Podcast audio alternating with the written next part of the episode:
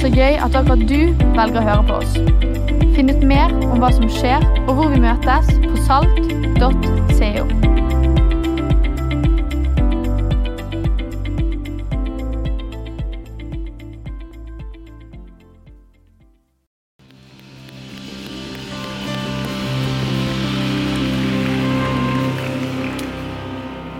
Han fortjener den største applausen i dette rommet hver kveld. Tusen takk, Kristine, for å åpne Bibelen for oss, Johannes evangeliet, og lese hva Jesus sier om seg sjøl. I dag er overskriften 'Jesus er'.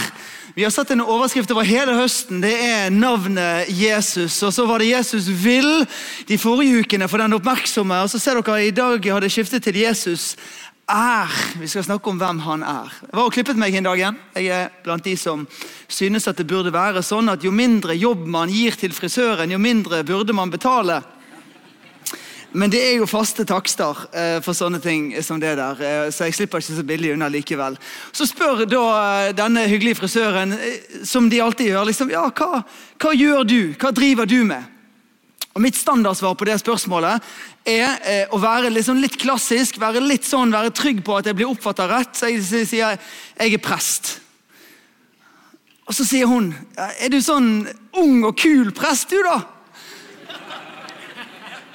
Og da tenker jeg, Enten driver jeg med selvskryt her, her nå, eh, eller så snakker jeg om et imageproblem som min yrkesgruppe har. Eh, en av de to. Jeg vet ikke hvilken jeg velger. Jeg tenker kanskje at jeg tar det som et kompliment mer enn et anklage mot en hel yrkesgruppe. Men Det er jo ofte sånn med oss at vi spør liksom, hva gjør du, hva driver du med? Og så blir det et type sånn svar på at vi beskriver oss sjøl. Jesus kommer til dette fra en litt annen vinkel.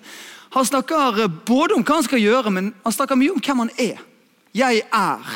Han, syv ganger i Johannes-evangeliet så bruker han det som en sånn måte å presentere seg sjøl for de som lytter til han, og oss som i dag leser om han. Jeg er verdens lys. Jeg er livets brød. Jeg er døren, jeg er den gode hyrden. Oppstandelsen og livet, vintreet, veien, sannheten og livet. Jeg er. I dag skal jeg å prøve å ta deg med til eh, Johannes evangeliet og snakke om hvem Jesus er. For Jesus beskriver seg sjøl. Jesus presenterer seg sjøl. Det er ikke sånn som det ofte blir i vår tid, at vi tar definisjonsmakten sjøl og sier at sånn er Jesus for meg. Altså Det fins en personlig side ved det som er viktig og riktig, men Jesus er en person som beskriver og definerer seg sjøl. Og så kan vi få ta imot han og ta, han inn i våre liv for det han presenterer seg som. Men så tenker du liksom ok, jeg er innenfor eh, en treat her. Syv lange metaforer. Eh, rekker jeg hjem til whatever? Ta det helt med ro. Jeg skal ikke gå helt sånn til verks at jeg skal ta syv bibeltekster og pakke de ut. Men jeg har bestemt meg for å gå til to av de og gi litt farge til hvordan de hjelper oss å se Jesus og se hva det betyr å følge etter han. Om du er på en trosreise i rommet her, kommer her med litt høye skuldre eller litt piggende ute, eller kanskje bare helt åpent nysgjerrig, så konge at du er her. Mitt mål er at de neste minuttene er nyttige for deg også. At du ikke bare kommer til et rom der du må stå på utsida og lytte inn på en litt sånn inside-samtale. Dette er et åpent rom. Og Din trosreise og din nysgjerrighet på Jesus er varmt velkommen her. Det Jesus sier om seg sjøl, er at han er livets brød. I min familie så har vi eh, noe som heter Noel-brød. Jeg har en eh, ti år gammel gutt som heter Noel Sebastian. Han har ett brød som han spiser. Thank you very much, barnehagen oppe i gard på Birkelundstoppen. De eh, leverte altså ett type brød i, i, når han gikk i barnehagen. Det er sånn type litt sånn, det er sånn fancy kneippbrød. Det er ikke noe mer. Det er på en måte bare litt sånn et hjemmebakeri som har bare strøt noen noe sånne frø oppå et ganske sånn kjipt kneippbrød. Og Det er det eneste frikkens brødet han spiser. Så det ender jeg opp med å spise hele, hele tida. Det fins mer brød der ute, prøver jeg å si til han, men han sverger til Noel-brød. Jesus han sier 'be om daglig brød'. Gi oss i dag vårt daglige brød. Det er det han underviser disiplene at de kan gjøre når de skal be Gud, snakke til Gud. Og På ett nivå så handler det om det, de kroppslige behovene vi har. Det at vi trenger næring, det at vi skal ha nok til å ha krefter til den dagen som vi går i møte. Kanskje sånn materielle eller fysiske behov. Men på en annen side så handler det om et åndelig behov. Gi meg i dag mitt daglige brød.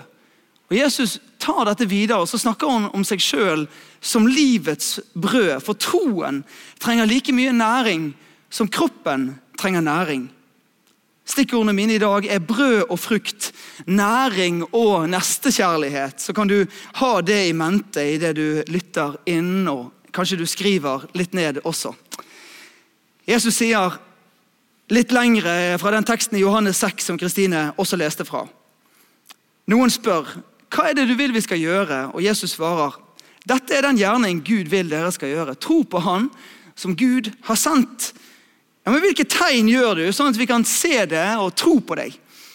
Hva vil du gjøre, spurte de. Våre fedre de spiste manna. Det var en sånn type brød som liksom kom ned fra himmelen og var der i ørkenen. De spiste manna i ørkenen, slik det står skrevet. Brød fra himmelen ga han dem å spise. Og Jesus svarte, sannelig jeg sier dere, Moses ga dere ikke brød fra himmelen. Det er min far som gir dere det sanne brødet fra himmelen. Guds brød er det brødet som kommer ned fra himmelen og gir verden liv. Da sa de til han, Herre, gi oss alltid dette brødet. Og Jesus svarer, Jeg er livets brød. Den som kommer til meg, skal ikke hungre, og den som tror på meg, skal aldri tørste. Daglig brød og livets brød. Nærhet og næring i relasjon til Jesus. Det å være en kristen det er ikke et verdensmesterskap i selvoppholdelse eller selvstendighet eller det å kunne klare seg sjøl eller forbedre seg sjøl. Det er ikke et soloprosjekt der Jesus liksom står på tribuneplass og applauderer den innsatsen vi klarer å legge til verks. Det å være en kristen det er å samhandle, samvirke, gå sammen med Jesus, smake og kjenne at Gud er god. Jesus sier at han er livets brød. Han har kommet inn i denne verden for å slukke tørsten, for å mette den sulten som fins på innsiden av hver enkelt. Og Så presenterer han seg sjøl som noe så vanlig som brød. Og det blir sånn problematisk for meg, for jeg, liker ikke brødmat. Det er utrolig slitsomt med brødmat. Og det er jo et utrolig slitsomt land å bo i. Vi spiser jo liksom typ, Er det forventninger at vi skal spise sånn 12-14 skiver om dagen? Jeg føler Det, det er som den norske kontrakten. Halvparten av de skal være med brunost. Og så skal du ha på deg eh, typ ski mens du spiser de, og så skal du ha, gå, gå med anorakk. og i det hele tatt. Jeg, jeg kjøper ikke det norske matpakkehysteriet. Fun fact. Min mor mente at jeg hadde jernmangel når jeg var liten. Så hun sa du må spise, du må spise skiver med leverpostei. Det må du gjøre. Så Hun eh, tvang meg til å spise skiver med leverpostei i flere år. Så sa jeg det til henne en dagen. Husker du den gangen jeg hadde jernmangel? Så sa hun jeg bare fant det på. Så det kanskje, Jeg har funnet, funnet mitt antipati både mot leverpostei og brød kanskje kommer fra denne her situasjonen. her. Det er dårlig mot barneoppdragelse. altså. Cheeky move. Eh, kred. Men jeg hater fortsatt brød og leverpostei. Så kommer Jesus og så sier han at han er brød. Gi meg heller en skål med Cheerios, litt banan og litt eh, bringebærsyltetøy på toppen. Da funker det. Da funker det. Da blir det frokost på Mathisen også. Men ernæringseksperter sier jo det at vi skal liksom spise variert. og Jeg må lese ned her hva som er variert. Jo, det er grønnsaker, bær og frukt. Det er det ikke på en Grandiosa, nei. Kornprodukter, melkeprodukter, fisk og kjøtt. Det er bra for en kropp for å klare å være sunn. Og så fins det jo flere brød enn Noel-brød. Herlighet, Det fins surdeigsbrød, hjemmelaget brød, nøttebrød, åh, fantastisk, alpebrød, speltbrød, bondebrød, solsikkebrød, funkygine, fiberbrød. Spleisebrød, fransk energibrød Er det litt selvmotsigende? Fransk og energi? Jeg vet ikke. Eller Julius favorittbrød. Det er jo så mye å velge mellom. Når jeg var på vei et sted i denne analogien, her, så er det for å snakke om variert kosthold. Jeg var ung i min egen trosreise. Jeg var liksom i de tidlige stadier av å si at jeg følger Jesus med, eget, med mitt eget liv. Det er sånn som Eivind sa, at det er kanskje en sånn glidende overgang, men jeg merket at det var en periode der denne troen skulle være min egen. Så var det noen som sa noen sånn grunnleggende ting til meg. Du trenger å ha et forhold til det at Bibelen er en ok bok å lese i. Bla i den en morgen, bla i den på, på kvelden og få med deg et par vers eller få med deg et kapittel. Og Noen som sa det at Du må tenke at Fader vår det er en bønn du kan be. Kanskje du kan lese den, eller kanskje du kan tenke at liksom, her fins det noen oppspillspunkter til det å kunne be for deg sjøl, ikke bare høre på andre be for deg. Og Så sa de til meg at ja, det der med å ha et personlig liv med Gud, der lovsang har en plass, det er en, det er en verdifull ting. Det er en bra ting å ha liksom, i kostholdet ditt. Så jeg hadde verken eh, tangenter eller noe strenger eller noe å spille på. Eh, jeg har spilt på utseende hele mitt liv. Det er alt jeg har spilt på. Eh, og så står, der, står, jeg der med en CD-spiller, og jeg husker fortsatt jeg hadde en CD. Det kan eh, Yngve Hopen huske, som sitter der bak. På Den CD-en den gikk varmt på smågruppe og hjemme i min egen leilighet eller min egen gutterom. Spor 5, 9 og 13 var liksom de lovsangene som gikk varmt hjemme på gutterommet. Men så kommer du til et punkt der du tenker er det bare, disse, er det bare Noel-brød? Er det bare Noel-brød. Og jeg er på vei et sted her. Jeg prøver å snakke om variert kosthold. for Jeg har lyst til å invitere deg denne høsten her til å se din relasjon med Jesus på en ny måte. Jeg vet ikke hvor du kommer fra i det å ha en vane eller ha en holdning til at jeg har et åndelig kosthold. Jeg tar til meg næring i min tro. Eller kanskje du er på et punkt der du kjenner liksom, ja, men jeg har ikke helt appetitten. Jeg vet ikke helt hvordan det skal se ut, hva jeg har fått smaken på. Enten det er det ene eller det andre. Jeg tror vi mennesker er skrudd sammen på litt forskjellig måte. Det er ikke one size fits all, for dette rommet her er fullt av personlighetstyper ikke bare i en Myers-Briggs-test, men også personlighetstyper i forhold til hvordan vi relaterer til troen vår, og hvordan vi ser Jesus og muligheten til et vennskap med han. En eh, fyr som heter Gary Thomas har skrevet en uh, utrolig fin bok som heter Sacred Pathways. handler om ulike hellige stier, veier å gå for å møte Jesus. Han sier det at vi er like forskjellige i vår personlighet som vi kan være forskjellige i vår måte å relatere til Gud. Så sier han du finner jo dette allerede i, i Bibelen. Du har den religiøse Abraham. Den religiøse Abraham som bygger alteret. Det var hans måte å relatere til Gud. Han sier hvis jeg har opplevd noe meningsfullt og verdifullt i troen min, så bygger jeg en steinhaug her. Så lar jeg det være et fysisk minne om at Gud finnes i mitt liv. Han er en del av min troshistorie. Jeg bygger et, en steinrøys, et alter. Altså har du den litt sånn konfrontative aktivisten Elia, som hver gang han opplever urettferdighet eller ondskap, så sier han dette må jeg gjøre noe med. Jeg Konfronterer dette.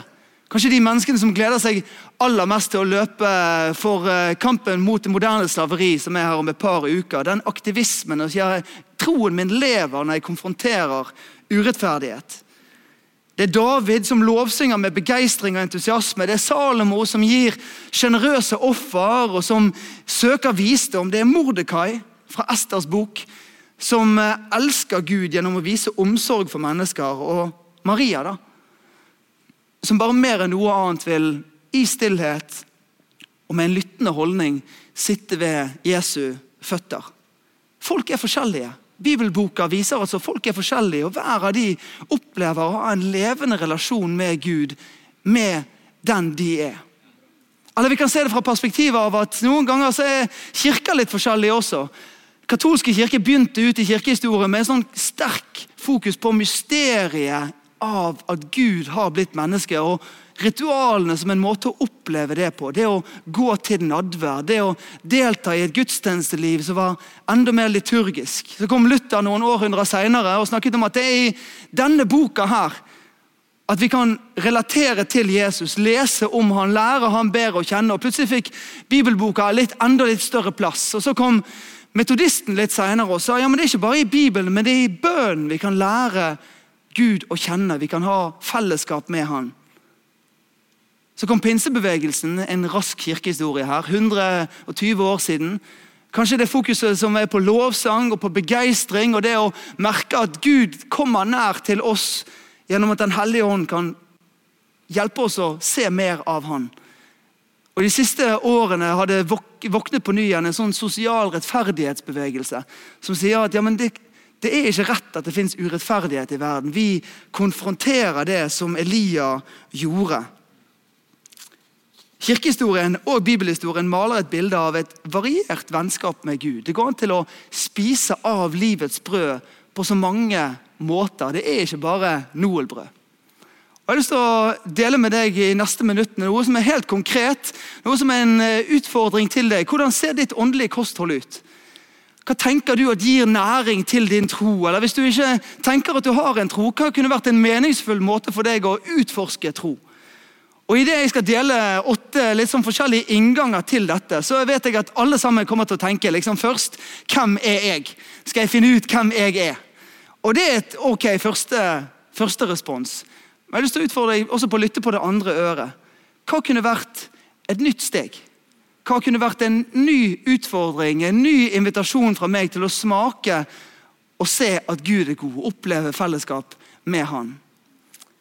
Tradisjonalister det er de som erfarer Gud gjennom ritualer, symboler, gleden av å kunne gå til nadverd. Og ikke bare tenke at i dette måltidet her så er det bare en sånn gammel vane og en greie, men det er et hellig øyeblikk. Der kan jeg merke at Gud kommer nær. Det å ha et kors eller et ikon hengende stående i stuen hjemme og tenke på at troen min handler om noe så tradisjonelt, noe som har så rike røtter at det står et kors her i min stue.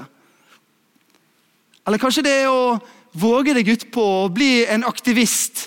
Og da, vi, da, skaper vi et stort rom her. Men en aktivist som kjenner det at ja, men hva om troen min står ved siden av de som opplever urettferdighet. Jesus som sier om seg sjøl at han har kommet inn i denne verden for å sette fanger fri. For å bryte åket. Hva hvis det er en måte for deg å kjenne denne høsten at troen din lever? Jesus han rydder tempelet for griske pengeutlånere. Kanskje det å stå på Jesus' sin side, side ved side med Jesus for rettferdighet og kjenne på fellesskap i den kampen. Så har du naturalister. Det er et farlig begrep å bruke. De går ikke rundt nakne. Eh, det er ikke eh, nudisthøsten jeg inviterer til her. Eh, men de er glad i naturen. Og da vet jeg umiddelbart at jeg garantert snakker til en god del folk i rommet her, som sikkert allerede har vært på en skogstur i dag eller vært på en fjelltopp. Og det å se, kjenne, merke at i dette av en nydelig soloppgang eller en solnedgang eller en lysning i skogen, så finner jeg Gud i skaperverket. Kanskje du er litt sånn som meg, at du ser ikke skogen for bare trær. Min kone og meg, Når vi kjører bil, så sier hun jeg ser på veien, og så sier hun 'se hvor nydelig det er'. Så sier jeg 'asfalten'? Nei, alle bladene på alle trærne. Jeg øver blikket mitt for å se Gud i skaperverket. Så har du asketene. De finner mening, næring i å møte Jesus alene, i stillhet. Kutte ut liksom alt det som ofte vi putter på som en type sånn stimuli, og bare la stillheten få tale for seg selv. Lytte til Gud fra vårt indre. Eller hva med å stå sammen med mor Teresa, en omsorgsperson som elsker Gud ved å elske andre mennesker? Hun sa det er ikke nok at du sier at du elsker Gud, du må også elske de neste. Sann kjærlighet den gjør vondt, og det krever at du gir av deg selv til det gjør vondt. For hun så var det å vise omsorg for andre mennesker og være nær til Jesus. Sansere, eller det å oppleve Gud med sanseapparatet sitt. Kanskje vi strekker liksom din din eh, forestillingsevne her akkurat nå, men det å reflektere over det at jeg er skapt som et menneske med et rikt sanseapparat. En god venn som elsker å sitte seg ned, putte på Hendels Messias og bare høre en annen type fellesskap med Gud som kommer fra det som eh, den fantastiske kristne komponisten lagde. Eller det å tenke over at I en ortodoks kirketradisjon så er, har røkelse en plass. og For oss er det litt fremmed. men hva hvis det fins et annet type brød som du ikke har spist av ennå, men som likevel kan være næringsrikt? Det er mitt poeng. Intellektualister de synes nettopp at ordet intellektualister var veldig kult. Eller de lurer på om jeg har stavet det rette. lurer jeg litt på faktisk. Eh, men Bill Gates sa det var riktig, så da stoler jeg på det. De tenker, og kanskje du kan tenke denne høsten, at min tro kan få næring ved at jeg ikke legger eh, hodet mitt igjen i gangen og kun bringer hjertet mitt inn, men jeg kan få elske Gud av all min forstand. Enten det å fordype seg i et bibelstudie, eller det å plukke opp en annen bok eller en annen podkast eller en samtalepartner og utforske og utdype troen og kjenne at det gir næring til troen og involvere intellektet. Eller for det siste entusiastene.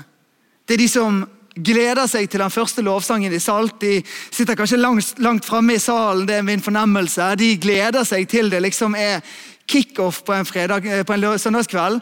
Og begeistra for lov å lovsynge Jesus og kjenne på energien i et rom som eh, har Jesus som sentrum. Eller det er midt i stuen hjemme når alle de andre har forlatt for jobb og studier, og så har du stuen alene for deg sjøl. Det er bare en mulighet til å begeistre for lovsynge Jesus med Spotify-listen eller gitaren som hjelp.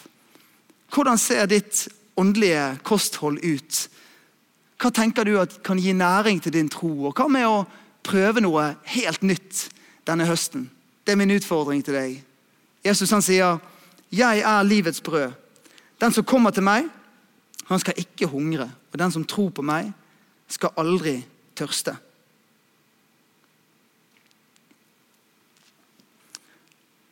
Den andre måten Jesus sier 'jeg er', sier det at jeg er vintreet. Brød og frukt, næring og nestekjærlighet. La meg fortelle hva jeg mener. Jesus sier 'bli i meg, så blir jeg i dere'. Like som greinen ikke kan bære frukt av seg selv, men bare hvis den blir på vintreet, slik kan heller ikke dere bære frukt hvis dere ikke blir i meg. For jeg er vintreet, og dere er greinene. Den som blir i meg, og jeg i ham, bærer mye frukt. Og Med en gang så ser vi en sånn parallell mellom det første og det andre bildet av Jesus. Han sier at 'jeg er livets brød'. Det er næringsrikt å være i nærheten av meg. Så sier han jeg er vintreet. Det er næring å finne i å være en grein som er på en stamme. Og På mange måter så kunne alt det vi har sagt fram til nå, summeres opp i disse tre enkle ordene om hva Jesus' invitasjon og hva å følge Jesus handler om. Bli i meg. Men så fortsetter dette bildet litt lengre. For Han sier at det er et løfte knyttet til det, eller det er en dynamikk som oppstår når vi blir i han. Den som blir i meg og jeg i ham, han, hun, bærer mye frukt. Altså Den naturlige konsekvensen, den naturlige følgerekken av å bli i han, er at det oppstår noe som er fruktbart. Når vi er i nærheten av han, så kan vi forvente at vi formes som mennesker. Jeg snakker med Ariel Lund, pastor i Salt i Trondheim en av uh, hans uh, nye, gode bekjentskaper. En dame som har tatt imot Jesus denne våren her. og Så snakket Ariel med, med henne igjen, og så sier hun følgende Jeg hadde vært kristen i et par måneder, og så kommer datteren min, ni år gammel datter til meg og så sier hun, 'Mamma, du har blitt veldig mye snillere i det siste.' Er jo herlig og søtt, og helt naturlig. Og Hun kunne fortelle om sin opplevelse av å ha blitt formet av å få lov, få lov å bli en kristen. Det ble ikke presset fram, det kom av seg sjøl. Hun opplevde at hun ble endret i sitt indre. Frukt, hva er det for noe? Det kan bety at vi blir mer oppmerksomme, at vi har mer tid til mennesker. Det kan bety at vi eh, er interessert i og er på tilbudssiden har lyst til å være mer til hjelp og gjøre tjenester for andre. Frukt det kan bety større raushet. Man har lyst til å gi av det man har. Eller frykt det kan bety et sterkt ønske om at jeg har, det jeg har fått oppleve, den troen som gir mening for meg, den har jeg lyst til å gi videre til andre. Eller frykt det kan være å si ja, men jeg har lyst til å være med og gjøre tjeneste. Jeg har lyst til å være på team i kirken og være med og tjene barn og ungdom i denne kirken. Eller involvere meg på en eller annen måte. Det er frukt i livet. Den som blir i meg og jeg i ham, bærer mye frukt. Men så er det jo sånn med meg og deg at vi ofte går oss inn i et sånt tankemønster om ting som er forventet, ting som er plikt, og ting som bør være. Noe vi skal gjøre for at det skal være. Det er religiøsiteten i oss som raskt flytter ting fra konsekvens av tro til krav i troen. Fariseerne holdt på med det hele tiden. De prøvde å stokke om i dette i hodet sitt og skjønne hva, hva er det Gud vil fra oss. Hvordan kan vi forstå hva han forventer av oss? Og De hadde bygget seg opp, disse som var sånne lovlærde, skriftlærde som levde på Jesus sin tid. 613 forskjellige bud hadde de bare listet opp i lange permer. Dette er kravene til hva som burde skje i livene våre. Og Så kommer de til Jesus, og så tipper jeg det er noen som har lyst til å sette Jesus fast med å spørre hva som er det største budet. Men jeg tror genuint også at det var noen som var håpefulle for at Jesus hadde et svar. For det hadde blitt en for tung bør å bære. Så spør de Jesus hva er det største budet. Og Jesus svarer du skal elske Herren din Gud av hele ditt hjerte, av hele din sjel, av all din fornuft og av all din makt. Dette er det første budet. Det andre som er like stort, er dette. Du skal elske de neste som deg sjøl. Og det finnes ikke noe bud som er større enn disse. Fra 613 til 2. Elsk Gud, elsk mennesker. Lev tett på Han med hele ditt hjerte, hele din sjel, all din kraft, all din forstand. Og så snu deg rundt og tenk hva kan jeg gjøre for min neste? Ta imot næring og vis nestekjærlighet. Det er det Jesus sier om seg sjøl i Johannes evangeliet. Vi kan få lov å ta imot næring fra han. Han er livets brød. Han er stammen. Han er den som gir næring til livet. Og Det er ikke en endimensjonal greie. Det er ikke en utvalgt greie for noen personlighetstyper som skjønner Jesus, eller som har knekt koden. Det er et åpent landskap. For den som trenger at hodet er med, for den som trenger at naturen er med, for den som trenger at sansene er med, for den som trenger at arbeidskraften er med, for den som trenger å kjenne at Gud når meg best når alt er helt stille rundt meg. Brød er alt mulig for den som har lyst til å ta imot næring fra Jesus. Og Så står han der og så sier han også da kan dere forvente, da kan dere tenke, da kan dere ha en, en forhåpning om at det som skjer med dere i nærheten av meg, er at dere formes og forvandles og bærer mye frukt så handler ikke det om å bli snillere. Det er en søt ni år gammel måte å si det på. 'Mamma, jeg er glad i deg. Du er en flott mamma.' Det kan handle om så mye denne høsten. Å få lov å kjenne Jesus. Hva, hva betyr det for meg å bære frukt? Hvordan kan jeg få bære frukt? Ikke som en prestasjon for å imponere deg, men for å kjenne at næring gir nestekjærlighet. Et ønske i meg om å tjene andre mennesker. I denne kirken, ut fra denne kirken, i min hverdagsliv mitt hverdagsliv, så kan vi få vise kjærlighet. Gud, ta mitt hjerte. Utvid og strekk det.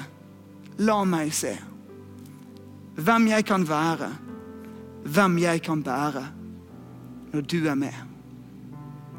Takk til lovsangsmiljøet som framfører en nydelig egenskrevet sang fra en kompis i kirken her. Og hvis jeg skulle oppsummert Jesus sine ord i en bønn vi kan si tilbake igjen til han, så måtte det være disse ordene. Gud, ta mitt hjerte. Utvid og strekk det. La meg se hvem jeg kan få være, og hvem jeg kan få bære når du er med. Vi reiser oss opp sammen. Så jeg har lyst til å si til deg som eh, kommer hit i dag, at vi gleder oss til å invitere til forbønn. Du trenger uh, ikke ha et intenst behov i livet, det kan du også komme med. Men du kan også bare kjenne på at det hadde vært godt om noen ba for meg i dag og velsignet meg i mitt hverdagsliv. Skal vi ha forbønn om litt? Jeg har lyst til å si til deg som er modig nok til å sette dine bein på en gudstjeneste og si at ok, Jesus, jeg, jeg gir deg en sjanse til å presentere deg sjøl. Jeg gir deg en sjanse til å være noe også for meg, ikke bare for min venninne eller for min kompis eller for de der andre. Og Jesus står og så sier han det like sterkt i dette rommet i kveld at 'jeg er livets brød'.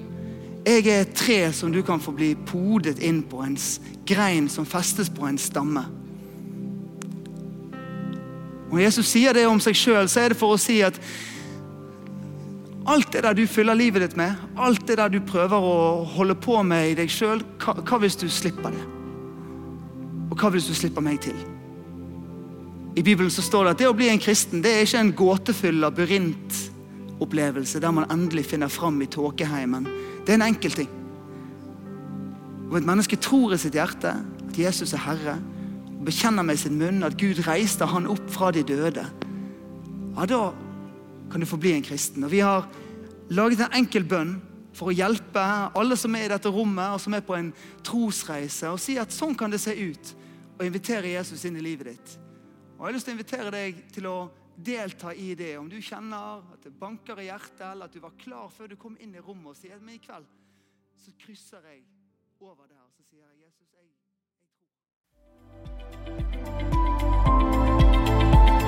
Takk for at du hørte på. Håper vi snakkes enten her eller i kirken neste søndag. Ha en nydelig uke.